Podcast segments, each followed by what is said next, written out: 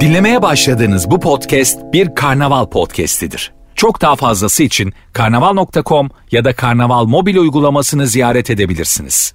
Cem Arslan'la gazoz ağacı başlıyor. Türkiye'nin süperinde, süper FM'de, süper program Gazoz Ağacı'nda yayınımıza hoş geldiniz, sefalar geldiniz. Ve bugün hemen yayınımıza başladığımızda şunu da hatırlatalım. Galatasaray'ın maçı var. Galatasaray'ın maçı olduğundan dolayı Ankara Edirne istikametinde tem yolunda trafik biraz sıkışık. Stat önünde alınan önlemler, taraftarın maça gitmesi trafiği birazcık e, sıkıştırmış vaziyette. Onu atlamış olabilirsiniz. Genellikle hafta arası maçlar olmuyor filan. Yoğunluktan dolayı atlamış olabilirsiniz. Maç olduğunu unutmuş olabilirsiniz.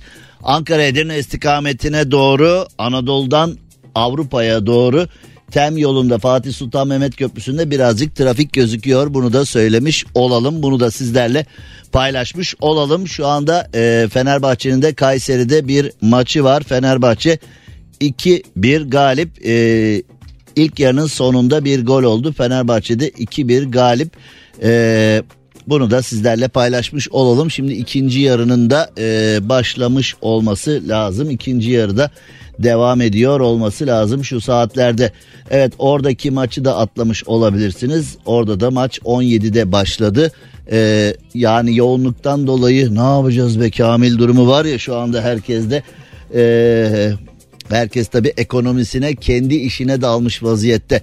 Şimdi dün İstanbul Spor Başkanı takımı sağdan çekince bana da e, birçok mesaj gelmiş. Abi ne düşünüyorsun, ne düşünüyorsun, ne düşünüyorsun? Bu konuyu nasıl yorumluyorsun diye. Artık bu konuda çok da fazla yorumlayacak bir şey kalmadı. Yani e, Türkiye'deki her şey ve herkes siyasetin payandası olunca yani her konuda bir tane bakış açısı oluşunca artık insanlar işte kimisi hakeme dalıyor, kimisi takımı sağdan çekiyor, kimisi e, işte böyle herkes ne yapacağını şaşırmış vaziyette. Çünkü Türkiye'de her şey oluyor, hiçbir şey yapılmıyor ya.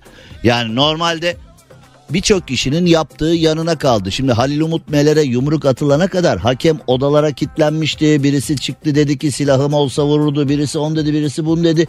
Yanlış kararlar MHK'ye bakıyorsun MHK devlet içinde devlet onun içinde devlet onun içinde devlet olmuş. Her hakemin bir tane koruyucu hamisi var.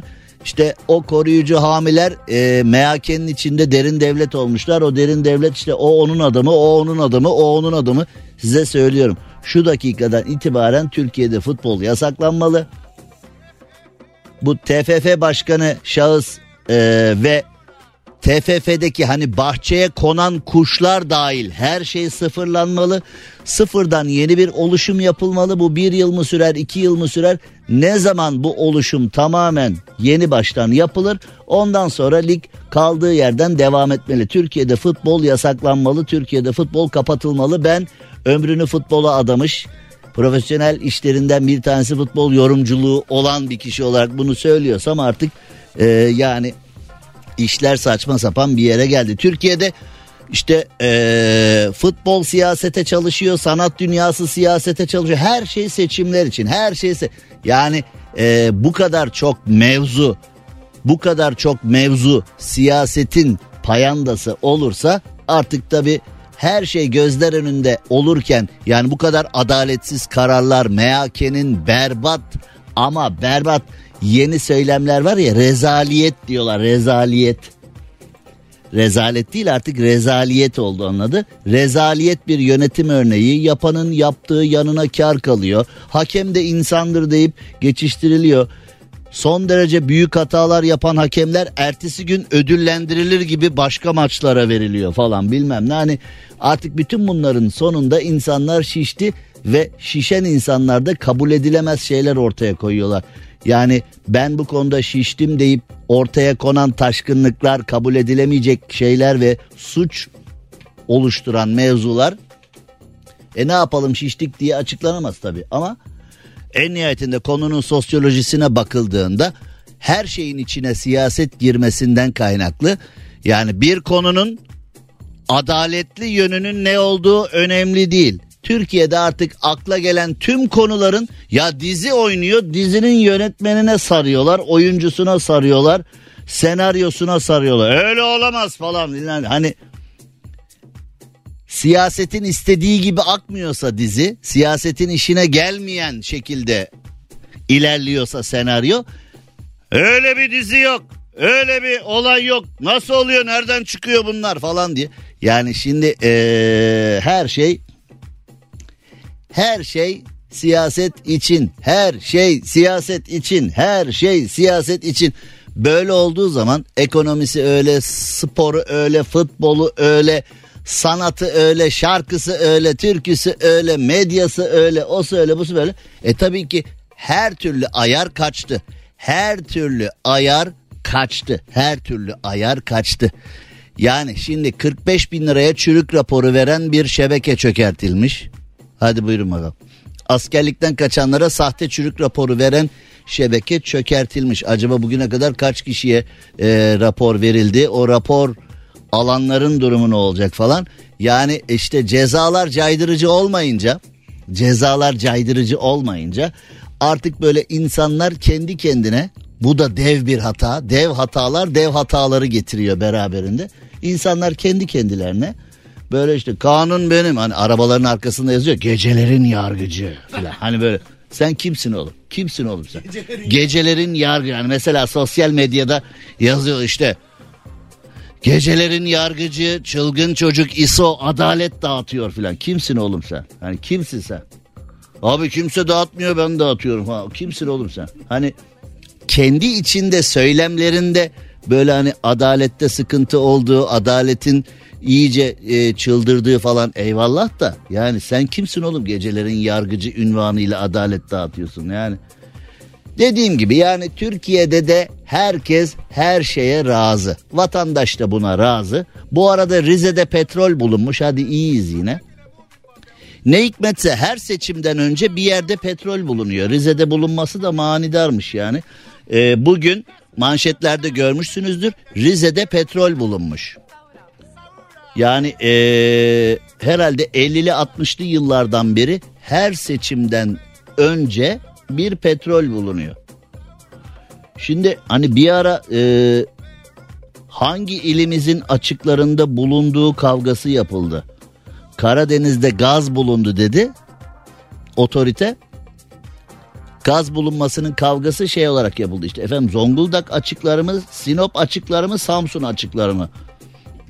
Oğlum hepsi bizim değil mi? Ne fark eder? Yani Karadeniz'de gaz veya petrol veya ülkemizin maddi kaynaklarını kuvvetlendirecek herhangi bir maden bulunduğunda e, biz bunu yani bunu mu konuşacağız şimdi? Zonguldak açığımız, Sinop açığımız, Samsun açığı. E ona baktığın zaman yani Karadeniz dediğin zaman hani yönüne göre her ilimizin açığı olabiliyor yani. Ona bakarsan hani Trabzon açıklarıyla Zonguldak açıkları arasında bir fark yok yani. Zonguldak'tan da açılırsan Karadeniz'e, Trabzon'a doğru gidersin. Trabzon'dan da açılırsan Zonguldak'a doğru gidersin yani laf mı yani? Şimdi hani yaşasın Türkiye gaz petrol buldu demiyoruz da hangi ilimizin açıkları tartışması doğmuş. Ya size anlattım benim çocukluğumda Karadeniz'de kalkan balığı böyle artık hani at çek yapıyordun at çek. At çek bilir misin? Hani balıkçılar kullanırlar. Balığın bol olduğu zaman oltayı atarsın böyle yem bile takmasa hani böyle atarsın çekersin atarsın çekersin. iki saatte iki kova istavriti balığı doldurur gidersin lüferi palamutu filan. O derece boldur. Kalkan balığı at çek yapılıyordu. Karadeniz'de biz Karadeniz'de kalkan balığını bitir, hamsiyi bitirdik hamsiyi. Hani tarlalara tarlalara tezek olsun diye, gübre olsun diye döktüğümüz hamsiyi bitirdik. Şimdi sofralara getiremiyor. Hamsiyi bitirdik. Karadeniz'de. Ha onun için bitti demek ki. Abi petrol su bulandı yaşanmıyor artık böyle. Herhalde balıklar öyle dedi. Gaz var, petrol var, suyun eski tadı yok ya. Böyle kekremsi, ekşi ekşi oldu sular. Karadeniz'de yaşamıyor. Ağız insanın ağzı bakır oluyor ya. Böyle sabah kalk ağzının içi bakır gibi. Karadeniz'de yaşamıyor filan. Balıklar öyle gitti herhalde orada. Bugün de ne hikmetse yerel seçimlerin e, öncesinde Rize'de bir petrol bulmuş. Durup durup bugün bulduk herhalde. Şimdi e, İstanbul Spor'un sahadan çekilmesi karşısında ne olacak? Hani kimse işi çözmeye çalışmıyor. Hemen İstanbul Spor küme düşürelim, başkanı işte cezalar verelim, para cezası, tazminat bile. Yani kimse bu işler niye oluyor diye araştırmadığı müddetçe bu işlerin sonu gelmez. İşte sadece siyasete zarar verme olaylar olduğunda bakıyorlar. Siyasete zarar vermiş mi? Seçimlere, seçmene bir zarar vermiş mi? O oranına zarar vermiş mi? O zaman derhal sesten hızlı müdahale ediliyor. Ama şimdi dur oğlum bulandırmayın ortalığı tam seçimlere giderken filan durumu olduğu zaman kimse elleşmiyor. E bu kadar problem futbolda bu kadar problem varken bu işler böyle. Sen toptan anlamayan, futbolun F'sinden anlamadığını kendisi itiraf eden bir kişiyi TFF başkanı yaparsan Şimdi ben şunu anlamıyorum. Size anlatmıştım. Şimdi e, Kılıçdaroğlu çıktı dedi ki FETÖ'nün siyasi ayağı Erdoğan'dır dedi. Ertesi gün Erdoğan çıktı dedi ki esas dedi FETÖ'nün siyasi ayağı Kılıçdaroğlu'dur dedi. Herkesin kanı don. Biz böyle aha şimdi ne olacak falan diye böyle biz medya olarak Şimdi ne olacak? Şimdi ne olacak filan derken ne oldu? Hayat devam etti. Yani gelişmiş ülkelerde yani birileri birilerini yani böyle bir eğer ee, örgüt lideri filan ilan ediyorsa yani birileri iftiracı olur birilerine de bir şey yapılır falan bilmem. Bizde hiçbir şey hayat devam etti. Şimdi aynı şekilde aynı şekilde birebir aynı şekilde Ahmet Çakar e, TFF başkanını işte baylok bilmem ne filan onlar var filan diyor. Hayat devam ediyor. Yani şimdi iki şey olması lazım. Ahmet Çakar haklıysa birini eğer Ahmet Çakar haksızsa hani iftira atıyorsa bilmem neyse filan yine gereğinin yapılması lazım. Bizde hiçbir şey yapılmıyor. Hayat devam ediyor. Birisi diyor ki bunun telefonlarında diyor üstelik iki telefonumda birden baylok var diyor. Bu diyor işte örgütçü diyor şu diyor bu diyor işte FETÖ diyor o diyor bu diyor. E hayat devam ediyor. Nasıl olacak arkadaş bu? Hani yani bunları söylemek bu kadar bu kavramlar bu kadar bu kavramlar bu kadar basit kavramlar mı? Bu kavramlar bu kadar ee, yani ha? içi boş kavramlar. Şimdi ondan sonra e, dinleyicilerim, sevgili dinleyicilerim, canlarım benim. Onlar da diyor ki e, Cem abi bu işler nasıl olacak? Dünkü maç hakkında ne düşünüyorsun? E hiçbir şey yapılmayınca ha? Rize'de Petrol çıkmış oğlum. Sevinsenize. Bırak şimdi İstanbul Sporu, TFF'yi falan. Rize'de petrol bulunmuş 40 gün 40 gece. Yani. Şimdi Halil Umut Meler demiş ki e, Emre Belezoğlu yaptı her şeyi. Emre Belezoğlu demiş ki dört defa özür diledim yetmiyor mu falan. Hani ya şimdi ortada olan olaylara bakıyorsun dönen dönen diyaloglara bakıyorsun ortada olan olaylara bakıyorsun. E yani arkadaş yani burada anaokulu mu işletiyoruz ya? O ondan özür dilemiş, o ona bilmem falan. Hani bu özürler falan konunun e, sosyolojik tarafı. Konunun diğer tarafında Halil Umut Meler demiş ki e, işte Emre Belezoğlu organize etti falan demiş. Emre Belezoğlu demiş ki işte başkan benim organizemle mi yaptı bunlar falan. Yani bunlar nasıl işler arkadaş? E, dün size Adliyede adliyede dövülen bir avukattan bahsetmiştim. Her dayak olayından sonra bir şeyleri yasaklarsak e, nasıl olacak falan demiştim. Dövülen doktorlardan, sağlık personelinden sonra hastaneleri mi kapattık falan dedim.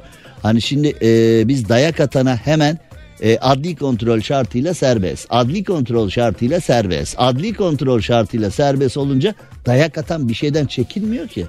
Bırakıyorlar. Dayak atan bir şeyden çekinmiyor. Ya kardeşim ben gidip buna saldırırsam yani hani bizim çocukluğumuzda ben 54 yaşındayım bilmeyen için söyleyeyim 54 yaşındayım 1970 doğumluyum. Ben doğduğumdan itibaren büyüklerimiz bizi böyle aman ha kimseyle tartışma filan. Mesela devlet memuru düğmesi kopsa 6 aydan başla. Böyle bir laf vardır. Bizim jenerasyon bunu çok iyi bilir. Devlet memuru düğmesi kopsa 6 aydan başla aman ha kimseye dokunma kimseye filan. Hani mesela bizim e, yetiştiğimiz ortamda küçük yılda ben doğuma büyüme küçük yıldayım Anadolu yakasında Allah'ıma şükür.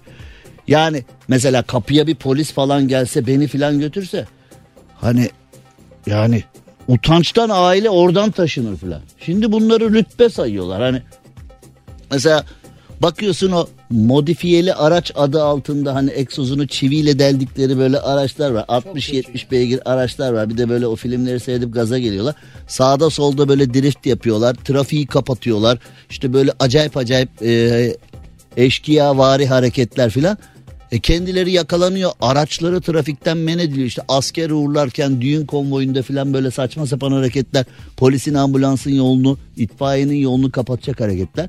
İşte yüz binlerce para cezası kesiliyor. Araç trafikten men ediliyor. Şahıslara bakıyorsun. Bütün Türkiye bizden bahsediyor filan diye. Mutlular yani. Hani böyle yaşasın 100 bin liraya medya ilgisi satın aldı. O konuyu öyle değerlendiriyor. 100 bin lira ceza verdik.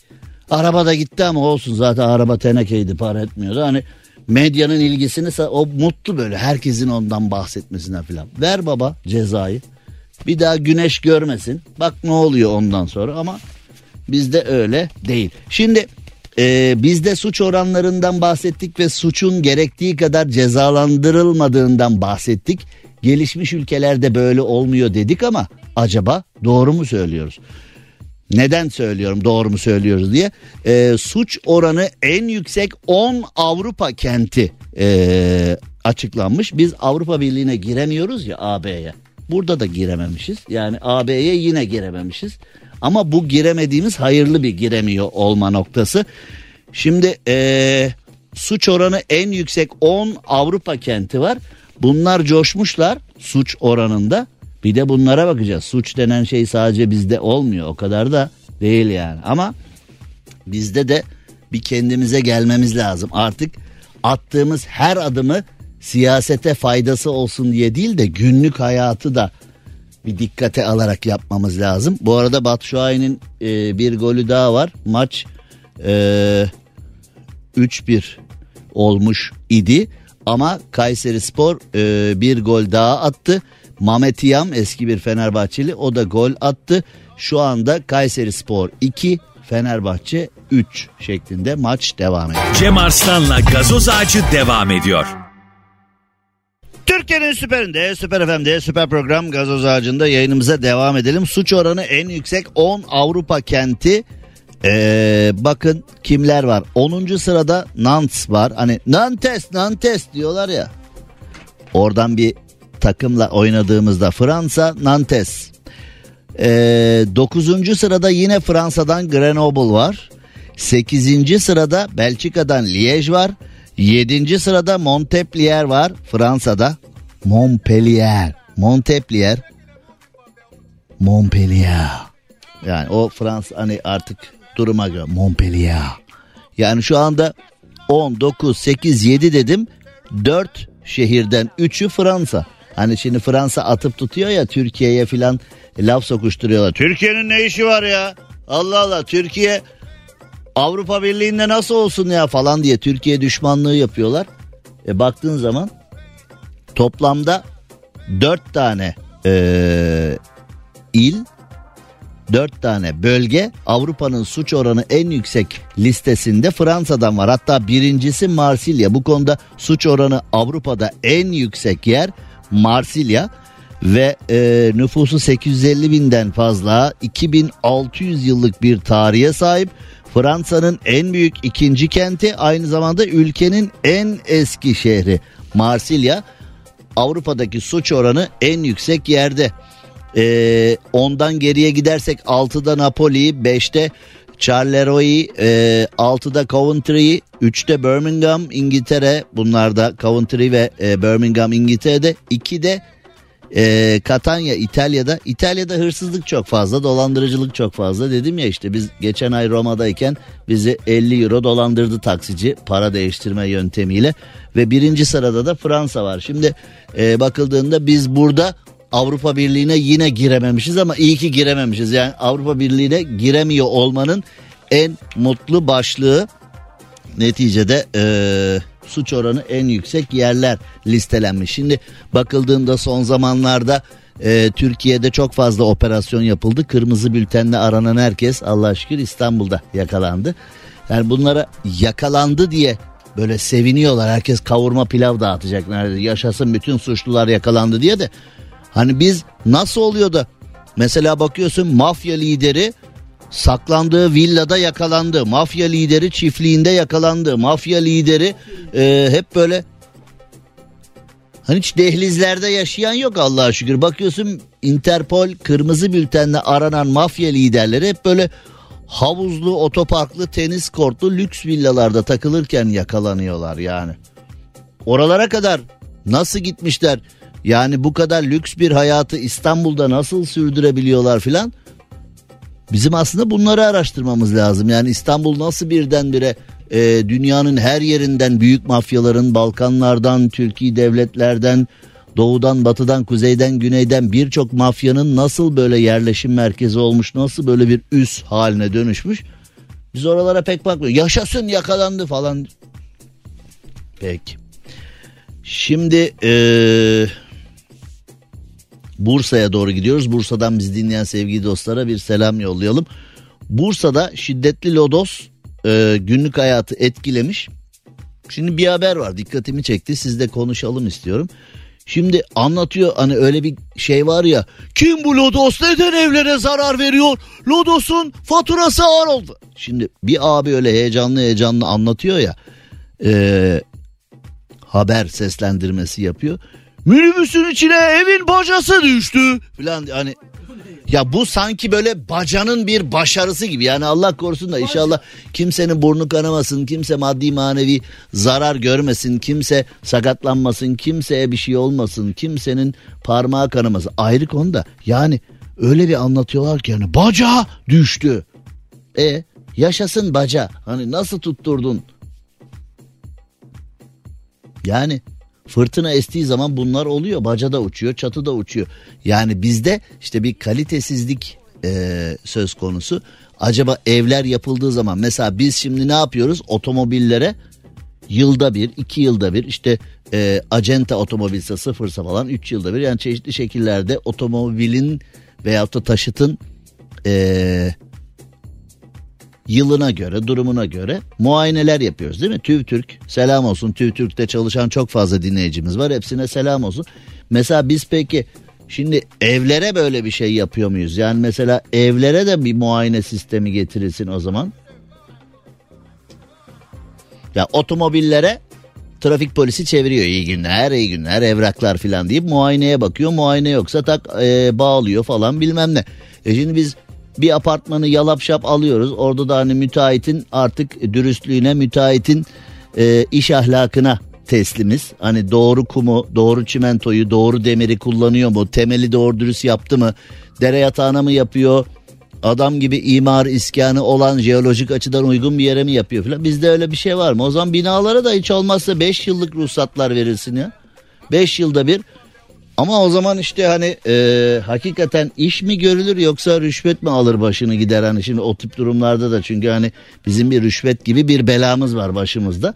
Yani o zaman 5 yılda bir ruhsatlar olsa. Şimdi baca nasıl uçuyor? Çatı nasıl uçuyor? Hakikaten ip mi kısa kuyu mu derin? Yani gerçekten çünkü şöyle bir şey var. Bakıyorsun aynı mahallede iki tane baca uçuyor. 500 tane baca duruyor yerinde. O iki baca yani öteki bacalar niye uçmuyor filan. Yani birazcık da e, burada şeytanın avukatlığını yapıp biraz da tersten araştırmamız gerekmiyor mu? Yani mesela kuvvetli fırtına çıkıyor. E, bin tane bina var bir tanesinin çatısı uçuyor filan. Öteki çatılar niye uçmuyor filan gibi hani biraz da böyle tersten gidip hadi araştırsak mı? E, biraz da tersten gidip araştırsak mı durumu? Bu arada e, Kayseri'de maç 3-3 oldu. E, Cardozo'nun attığı golle Kayseri Spor 3, Fenerbahçe 3 dakika 74. Fenerbahçelilere bizlere rahat maç seyretmek yok. Rahat bir maç seyretme noktası yok. Ee... yani bu dünya her zaman söylüyorum ya bu dünyadaki çilemizi yani biz öteki tarafa gidince Fenerbahçeliyiz deyince herhalde sen zaten çileni çekmişsin e, dünyada deyip yani e, bu konu oldukça e, sıkıntılı bir konu ama e, her zaman söylüyorum yani bizde oyun okuma yerinde e, işte kadro mühendisliği bilmem ne falan ya bir sürü sıkıntılar var. Bunlar niye oluyor nasıl oluyor bilmiyorum ama e, bir türlü yani Fenerbahçe taraftarı şöyle hani ekran başına geçip oh be deyip öyle rahat filan maç seyredemiyor yani böyle bir durumumuz var. Olsun takımımızı seviyoruz. Renklerimize aşığız. Takımımıza aşığız. Takımımızı seviyoruz ama ee, Zor yani Fenerbahçeli olmak zor zanaat yani gerçekten öyle bir durumumuz var. Ee, şimdi biz hemen yayınımıza devam edelim. Biz e, şöyle bir bakınalım. Şimdi Amerika'da bir mevzu var. Amerika Hava Kuvvetleri. Şimdi Amerika'da korkutan bir dürüstlük var. Şimdi buna bakmamız lazım. Amerikan Hava Kuvvetleri orduya ait gizli belgeleri internet ortamında yayımlamakla suçladığı Ulusal Hava Muhafızı askeri Jack hakkında yeni bir karar vermiş. Oğlum şimdi herkes internette takma isim kullanıyor veyahut da böyle e, gidip internet kafelerden rumuzla falan açıklıyor falan. Bu baya Amerika'nın krizlerini, Amerika'nın sıkıntılarını baya böyle merhaba ben Jack falan diye şakır şakır yazmış her şeyi. Ee, Snowden krizinden sonra en önemli kriz hatta Snowden krizi kadar önemli falan demiş. Snowden isimli bir kişi Amerika'nın bütün sırlarını anlatmıştı. Şimdi de Jack çıktı başımıza falan demişler. E tamam da bu Jack hani orada da aynı soruyu tersten gidip soruyorum. Şimdi herkes rumuzla filan yazarken sevgilin seni aldatıyor bir dost falan diye hani böyle magazinel konular bile bir dost şeklinde ortaya atılırken Amerika'nın en önemli sırları nasıl oluyor da adam merhaba ben Jack Amerikan ordusunda askerim alın bunlar da sırlar falan diye. Yani enteresan işler ya. Şu anda e, Amerika konuyu araştırıyormuş. Bu arkadaşa ne yapılacağı daha belli. Ne demek ne yapılacağı daha hani demek ki hapse atmak dışında da seçenekler. Menüde neler var acaba diye hani Sandalye. e, Jack Bey ne alırdınız? Yani önden bir hücre hapsi şöyle bir birkaç ay. Ardından e, elektrik sever misiniz falan diye. Ne yapılacağı belli değil diyor. Nasıl ne olabilir sence? Bak her şey olur. Amerika abi. Güçlü ülke abi her şey oluyor. Cem Arslan'la gazoz ağacı devam ediyor. Türkiye'nin süperinde, süper FM'de, süper program gazoz ağacında yayınımıza devam edelim. Kayseri Spor 3, Fenerbahçe 4 oldu. Ee, maçında 87. dakikası bakalım ee, son dakikalar nasıl geçecek. Ee, güzel bir maç oluyor. İlk yarıyı izledim, ikinci yarıda yayın başladı. Şimdi Bursa yolundan dönen dostlar var. Bursa'dan İstanbul'a doğru dönüyorlar. Halit Karaaslan'a bir selam verelim ve e, bizi dinleyen Mehmetcan, Mertcan Mehmetcan ona da bir selam yollayalım. Mertcan Mehmetcan'la Halit Karaaslan'a Bursa yolundan İstanbul'a geliyorlarmış. İyi yolculuklar diliyoruz. Şimdi bazı şeyler tarihi gerçeklerle günümüz gerçekleri birbirini tutmadan karşımıza çıkıyor ya 6000 yıllık mezar açılmış 6000 yıllık mezarda parçalanmış cesetler bulunmuş. Ee, o yıllarda 6000 yıl önce yani iyi ki bu yıllarda ölüyoruz dedirtem e, o yıllarda öldüğümüzde şöyle şeyler var. Öldükten sonra deriyi yüzüp organlar çıkartılıyormuş uzuvlar kesiliyormuş Oğlum bunu saygıdan mı ya? Bu nasıl bir saygı gösteri? Yani 6000 yılda e, hani ölümüze saygı istiyoruz noktası bayağı bir iyi yerlere gelmiş değil mi? Yani e, derinin yüzülmesi, uzuvların kesilmesi, organların çıkarılması bunu niye yapıyorlar? Yani böyle bir saygı gösterisi mi var dediğimizde e, demişler ki bilim insanları yaptığımız araştırmalara göre mezar yerlerini e, daha hesaplı kullanmak ve cesedi küçültme amacıyla yapılmış ikincil uygulamalar olabilir demiş. Ya şimdi oğlum milattan önce 4000 yıl filan yani bunlar bahs 6000 yıl filan deniyor ya yani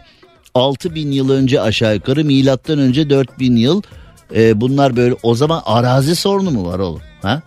Yani 6000 yıl önce Abi şimdi ne bu metrobüs mü yani nedir şimdi hani alt alta üst üste oğlum sık sık sık sık hani şu daralt daralt alanı daralt diye.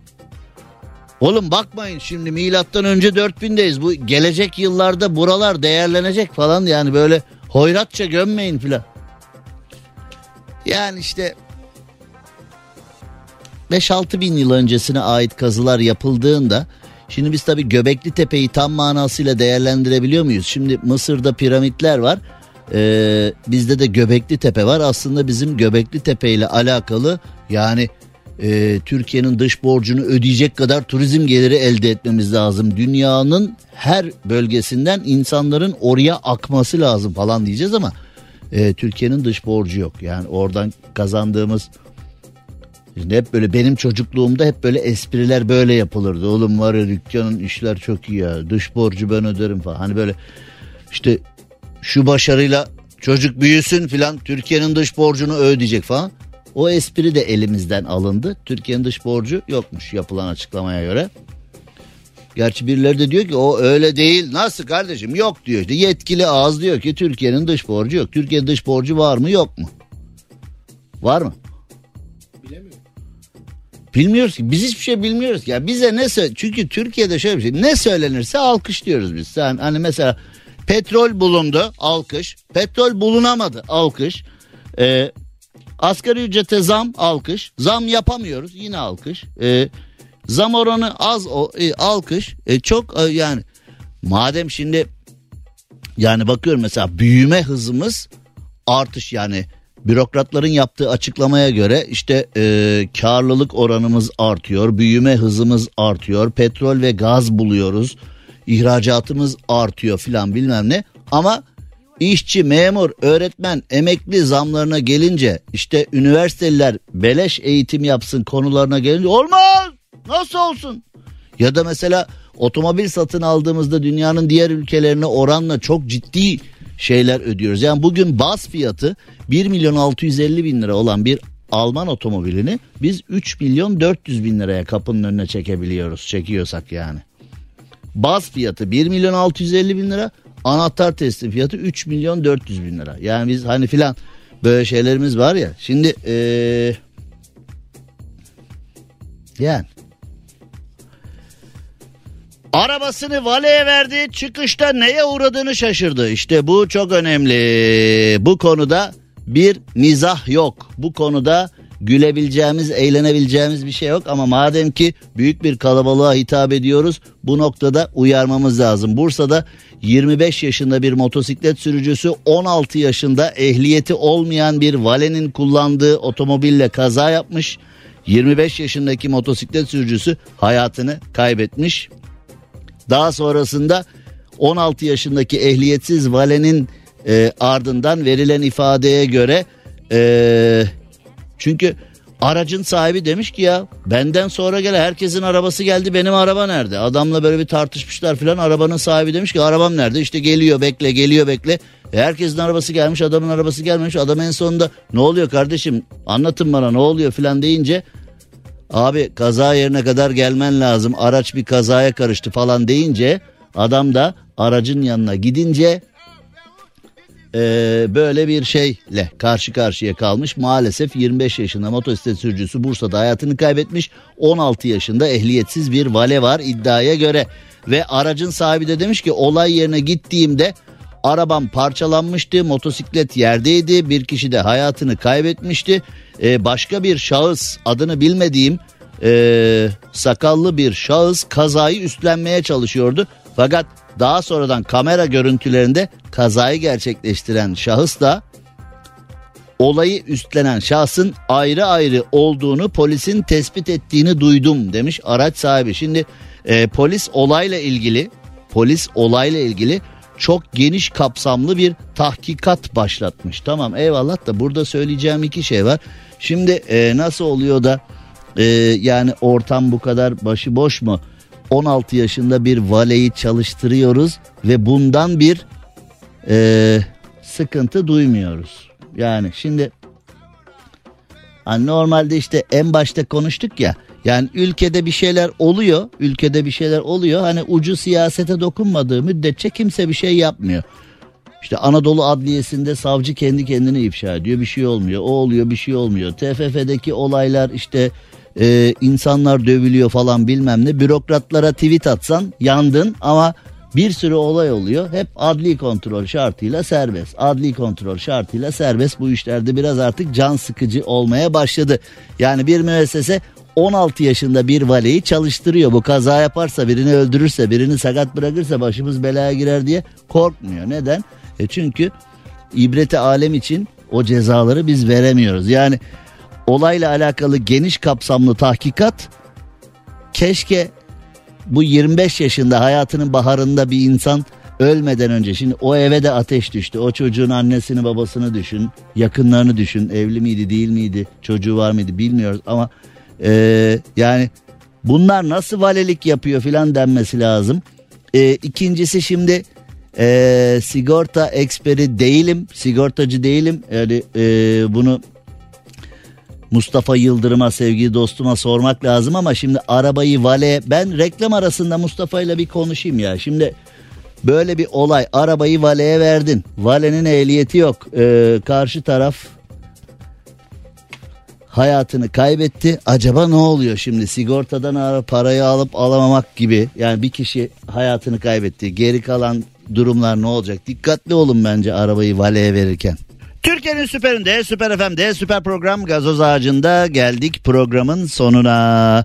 Yarın akşam saatler 18'i gösterene kadar e, hoşça kalın demeden önce yine hatırlatıyorum Galatasaray'ın bir maçı olduğu için Fatih Sultan Mehmet Köprüsü'nde tem yolunda Anadolu yakasından Avrupa yakasına doğru biraz sıkışıklık yaşayabilirsiniz stadın önüne kadar. E, sıkışıklık oldukça artmış Kavacı'ya kadar bu sıkışıklığın e, var olduğu gözüküyor. E, dikkat edin 3. köprüye sapabilirsiniz. Orası açık gözüküyor. Maç olduğu için orada biraz trafik var. Yarın görüşünceye kadar kendinize iyi bakın. İyi akşamlar. Cem Arslan'la gazoz ağacı devam ediyor. Türkiye'nin süperinde, süper FM'de e, maç 4-3 Fenerbahçe'nin galibiyetiyle bitmiş ama e, tabi madem ki Fenerbahçe kazandı bir şeylerin olması gerekiyor değil mi? Yani bir kaotik bir ortam da çıkmış e, orada. Şimdi tabi bakacağız e, kırmızı kartlar da havada uçmuş herhalde itirazlar şunlar bunlar. Derbi öncesi enteresan şeyler 90 artı 8'de Fred kırmızı kart görmüş. Mert Hakan Yandaş da kırmızı kart görmüş. E, tam da derbi öncesinde e, beklediğimiz hareketler tam da derbi öncesinde e, olması kuvvetle muhtemel hareketlerdi. Bakalım şimdi e, derbi yaklaştığında neler olacak? Derbiye yaklaşıldığında nasıl açıklamalar olacak? Yani e, ilginç ilginç işler oluyor. Her gün futbolda her gün bir kaos oluyor diyorum ya. Yani Türkiye'de e, bu futbol işlerini bir sıfırlamak lazım. Yani e, kapatacaksın futbolu. TFF'yi falan e, komple bir sıfırlayacaksın.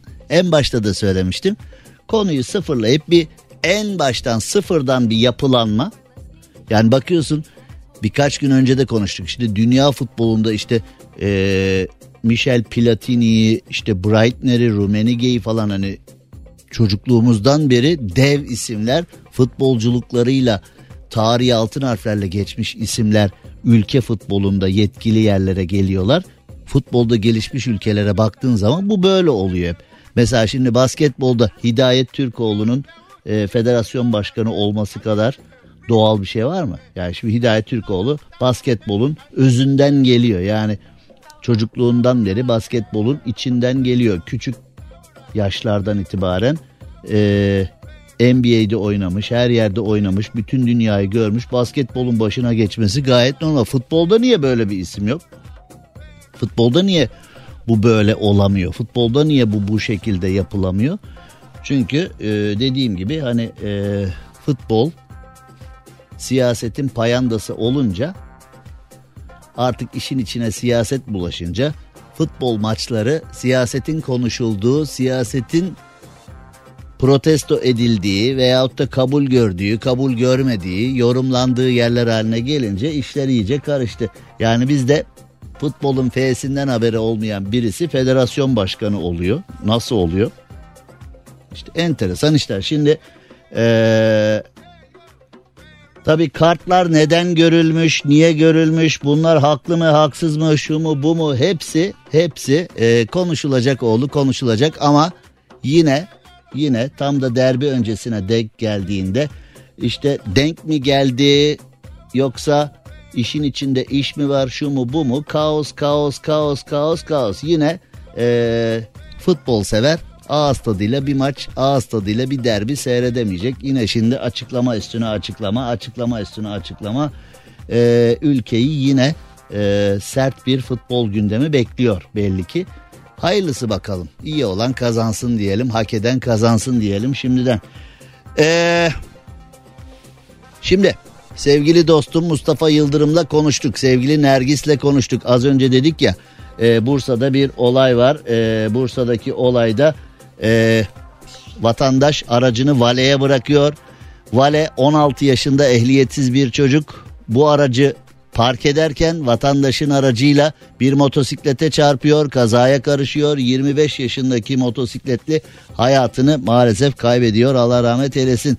Ee, birileri Birileri 16 yaşındaki valeyi olayın içinden çıkartıp olayı üstlenmeye çalışıyor fakat e, polis kameralardan görüntüyü çözüyor. Şimdi e, bir kişi hayatını kaybetti devamında ne olacak dediğimiz zaman şimdi eğer bu vale bir şirketse sevgili Nergis'ten ve Mustafa Yıldırım'dan aldığım bilgileri söylüyorum. Bu vale bir şirketse yani burada vatandaş o valeye vale şirketine dava açabilir. Çünkü sigorta böyle durumlarda ödemiyormuş. Çünkü e, ehliyetli birinin 18 yaşından büyük birinin yani ehliyetli birinin arabayı kullanması esası aranıyor. Kitapta yazana kanuna yazana göre e, ehliyetsiz biri kullandığı zaman bu ödenmiyor. Ödenmeyince de büyük sıkıntı tabii ki. Şimdi karşı taraf acaba bir hani bazı vale şirketleri var ya öyle bir şirket mi yoksa bir şahıs mı? Ee, burada bir mahkeme yolu gözüküyor ama hani dünya malı araba yapılır yapılmaz ee, adam cebinden yaptırır veyahut da vale şirketi yaptırır filan. Bunlar dünya malı ama 25 yaşında bir kişi de hayatını kaybetti. 16 yaşında bir e, şimdi bu 16 yaşında kazayı yapan çocuğa da yazık. O da şimdi ömür boyu e, daha o da kendi hayatının baharındayken o da yaşarken ölecek. O da yaşarken vicdanen her gün o an aklına gelecek, o an aklına gelecek filan falan. Nereden bakarsak bakalım sıkıntılı bir iş ama biz nasıl oluyor da bunları e, yaşıyoruz diyelim. Sıkıntı ama e, aracınızı aracınızı e, Vale'ye bırakırken dikkat edin. Hani Vale bir şirketse ciddi bir kuruluşsa tabii ki sıkıntı yok ama işte böyle şeyler olduğunda e, birazcık sıkıntılar var. E, Bursa'daki olayda biraz ders verir nitelikte. Şimdi Amerika'ya gidelim. Amerika'da hani hep böyle çoğu zaman takdir ediyoruz ya işte Amerika dünyanın devi şu bu bilmem ne falan. Ama Amerika'da çok garip şeyler de oluyor. Amerika'da bir lisenin güvenlik görevlisi e, ev yapımı patlayıcı sattığını itiraf etmiş. Bu ne oğlum? Okulda güvenlik görevlisi ben evde bomba yapıyorum demiş. Çocuk. hani okul kantininde tost olur, ayran olur, simit olur filan hani şeker olur, çikolata olur. Bu nedir ya? Adam demiş ki ben evde patlayıcı yapıyorum demiş. Hani bu güvenlik görevlisi şunu mu demeye çalışıyor? Merak etmeyin oğlum okul güvende bende bomba var bir sıkıntı olursa hallederim ben falan gibi mi acaba? Ee, Kaliforniya'da bir okulda güvenlik görevlisi ev yapımı patlayıcı imal etmek ve satmak için kurulan komploya dahil olduğunu itiraf etmiş. Ben demiş bombacıyım. Ee, Bakersfield'daki Arvin Lisesi eski kampüs güvenlik amiri Angelo Jackson e, patlayıcı madde imalatı ve ticaretiyle alakalı suçlamaları kabul etmiş. Evinde 225 kilo patlayıcı bulunmuş. Acaba okul güvenliğini kendisini saklamak için mi hani? Abi güvenliyim ben ya. Okulda çalışıyorum. Gençlerle çalışıyorum ben abi. İlim irfan yuvasında hizmet ediyorum abi ben. Sukulda çalışıyorum abi ben. Sukulun security'siyim ya. Sukul se, se, sukul security. Evet hani Ay, Şimdi e, FBI ajanları kendisini biraz daha sıkıştırmışlar. E, burada 5 yıl hapis ve 250 dolar da para cezası alacak. 250 dolar mı? 5 yıl hapsi anladık bir bombacı olarak 5 yıl hapsi anladık da 250 dolar biraz e,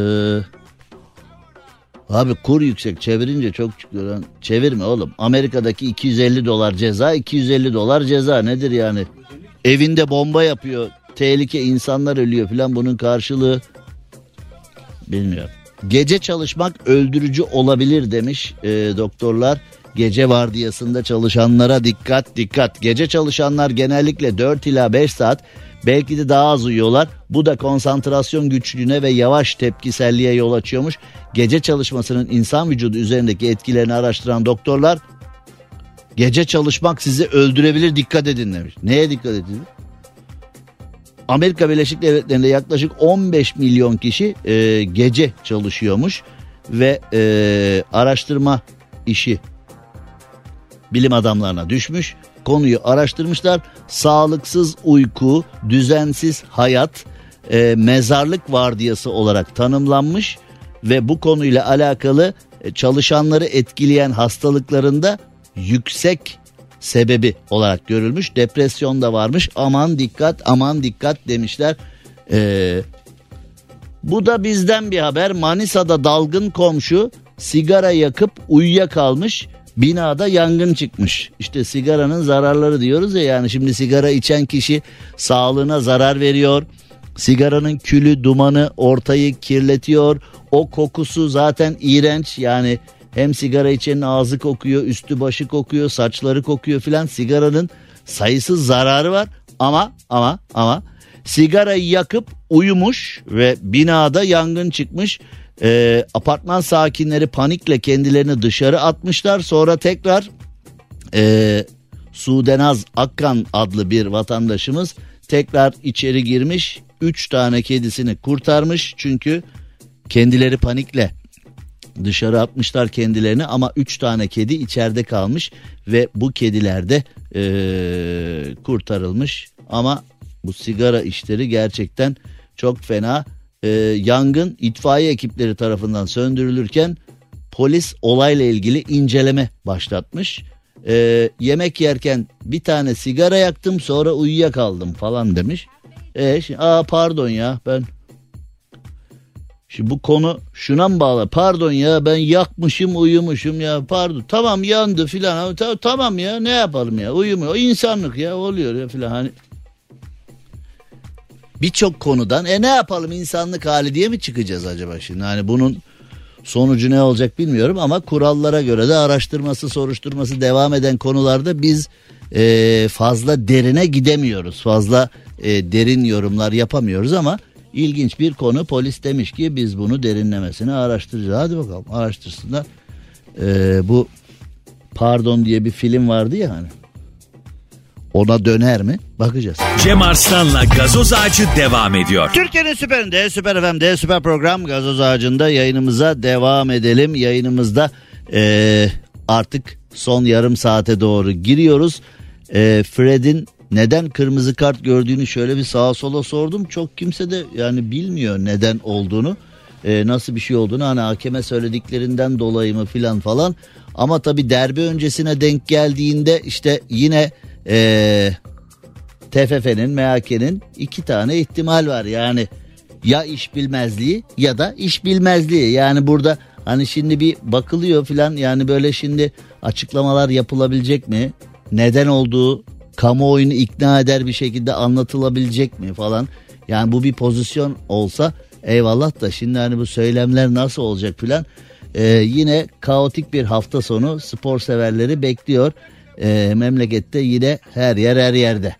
Şimdi İtalya'ya doğru gidelim. İtalya'da Başbakan Meloni ünlü Instagram fenomeniyle kapışmış. Şimdi hani niye kapışmış konu ne falan ona da bakabiliriz ama yani şimdi kapışabiliyor olmaları da güzel değil mi? Yani şimdi bakıyorsun başbakanla Instagram fenomeni kapışabiliyor yani. Hani mesela bizde böyle bir bizde böyle bir şey olsa sen sosyal medyada bir şey söylesen konu zaten daha yukarılara bürokratlara gitmeden troller zaten hani siyasetten yemlenen tipler var ya siyasete yakın durup oradan yemlenen tipler seni zaten perişan ederler. Yani bürokratlarla alakalı siyasilerle alakalı bir şeyler yazacak bir şeyler söyleyecek olsan seni didiklerler yani orada. Şimdi e, konu da ne? İtalya'nın Başbakanı Meloni Instagram'da milyonlarca takipçisi olan sosyal medya fenomeni e, Ferragni'yi karşısına alarak sert sözler söylemiş.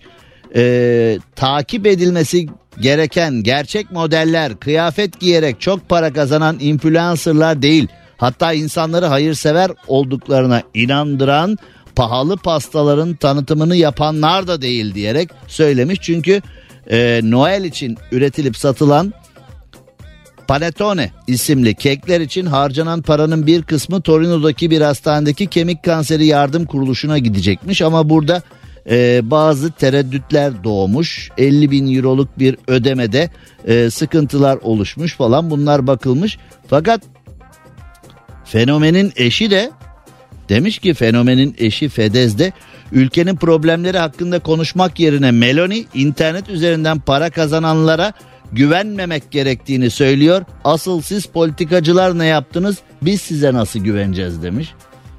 Biz de size güvenmiyoruz demiş. Ha.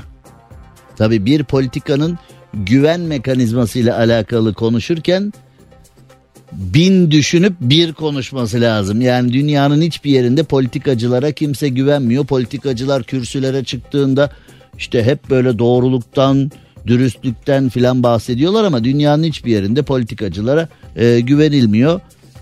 Fenomenin eşi de demiş ki politikacılar ne yapıyorsunuz biz size güvenmiyoruz demiş. Şimdi burada e, İtalya'da böyle bir konu başlamış ve sosyal medya fenomenleriyle siyasetçiler arasında böyle bir mücadele başlamış. Şimdi yani hangisi haklı hangisi haksız nedir ne değildir ben de konunun şurasındayım. Adamlarda böyle bir şey başlayabiliyor ya. Yani siyasetçi mi haklı fenomenler mi haklı bilmiyorum ama yani böyle bir şey yapılabiliyor. Böyle bir şey konuşulabiliyor. Bizde zor yani. Aslında zor da değil de işte yani öyle zor diyeyim hiç olmazsa yani. Hani bizde olmaz diyemediğimiz için e, hani zor filan deyip Yine Amerika'ya gidelim İtalya'dan. Amerika'da e, yaşayan bir şerif. Şimdi ben bunu nasıl anlatacağım bilmiyorum ama deneyeceğim en azından. Amerika'da yaşayan e, bir şerif yardımcısı yüzünden zor zamanlar geçiriyormuş. Çünkü şerifin yardımcısı e, evet şimdi burada sıkıntı burada başlıyor. E, şöyle yumuşatarak anlatayım. Şerifin yardımcısı erotik sitelerde boy gösteriyormuş. Yani boy gösteriyormuş Türkçe anlatım böyle. Yani orada boy gösteriyor diye ama hani en boy yükseklik filan yani hani ee, bayağı bir erotik sitelerde faal vaziyetteymiş ve kendisi erotik sitelerde ee, çok acayip videoları Şerif ofisinin resmi araçlarıyla e, çekimler yapmış. Şerif ofisinin resmi araçlarıyla e, bu erotik sitelere çekimler yapmış. Kendisi oralara şerif bürosuna yakışmayacak uygunsuz fotoğraflar ve videolar koymuş ve hiç de çekinmemiş bunu. Yani kendisini de kendisi ifşa etmiş. Evet ben şerif yardımcısıyım. Böyle videolar çekiyorum, böyle fotoğraflar çekiyorum. Alın bakın bunu da siteye koyuyorum. Herkes görsün, herkes faydalansın amacıyla şeklinde.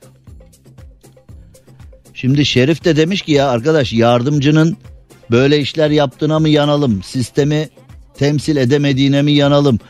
Resmi arabaların ve resmi ofisin bu işler için şimdi olayın bir detayları var ben giremiyorum ama neler neler yaparken neler neler yaparken kendi videolarını ve e, resimlerini çekmiş ve oraya siteye koymuş. Şimdi gerçekten enteresan bir e, durum. Bunu hangi ruh haliyle yapıyorsun? Yani Amerika'da şerif yardımcısı I shot the sheriff. Öyle bir şarkı var biliyor musun? Kim söylüyor desem? Onu bilmiyorum. Ayna grubu falan diyebilirsin. Ha? Duman. Manga, duman. Yani seçeneklerini Şimdi e, Amerika'da enteresan bir yer. Yani e, bu üniformalı. Yani şimdi burada detaylar var. Biz bu detaylara burada giremeyiz yani. Burada bir YouTube programı olsaydı bu olurdu da yani şimdi burada biz bu detaylara giremeyeceğiz. Feci detaylar var. Devriye aracında devriye aracında feci videolar çekmiş. Devriye aracında feci fotoğraflar çekmiş. Bunları e, erotik sitelere koymuş ve bakın ben Oregon eyaletinde Yamhill şerif yardımcısıyım filan demiş. Peki e, ben konuyu burada istemeyerek de olsa noktalamak durumundayım. E, çünkü çünküsü yok öyle olmak durumunda çünküsü yok yani öyle olmak durumunda. Şimdi evet o zaman biz kısacık bir ara verelim. Aranın ardından devam edelim. Cem Arslan'la gazoz ağacı sona erdi. Dinlemiş olduğunuz bu podcast bir karnaval podcastidir. Çok daha fazlası için karnaval.com ya da karnaval mobil uygulamasını ziyaret edebilirsiniz.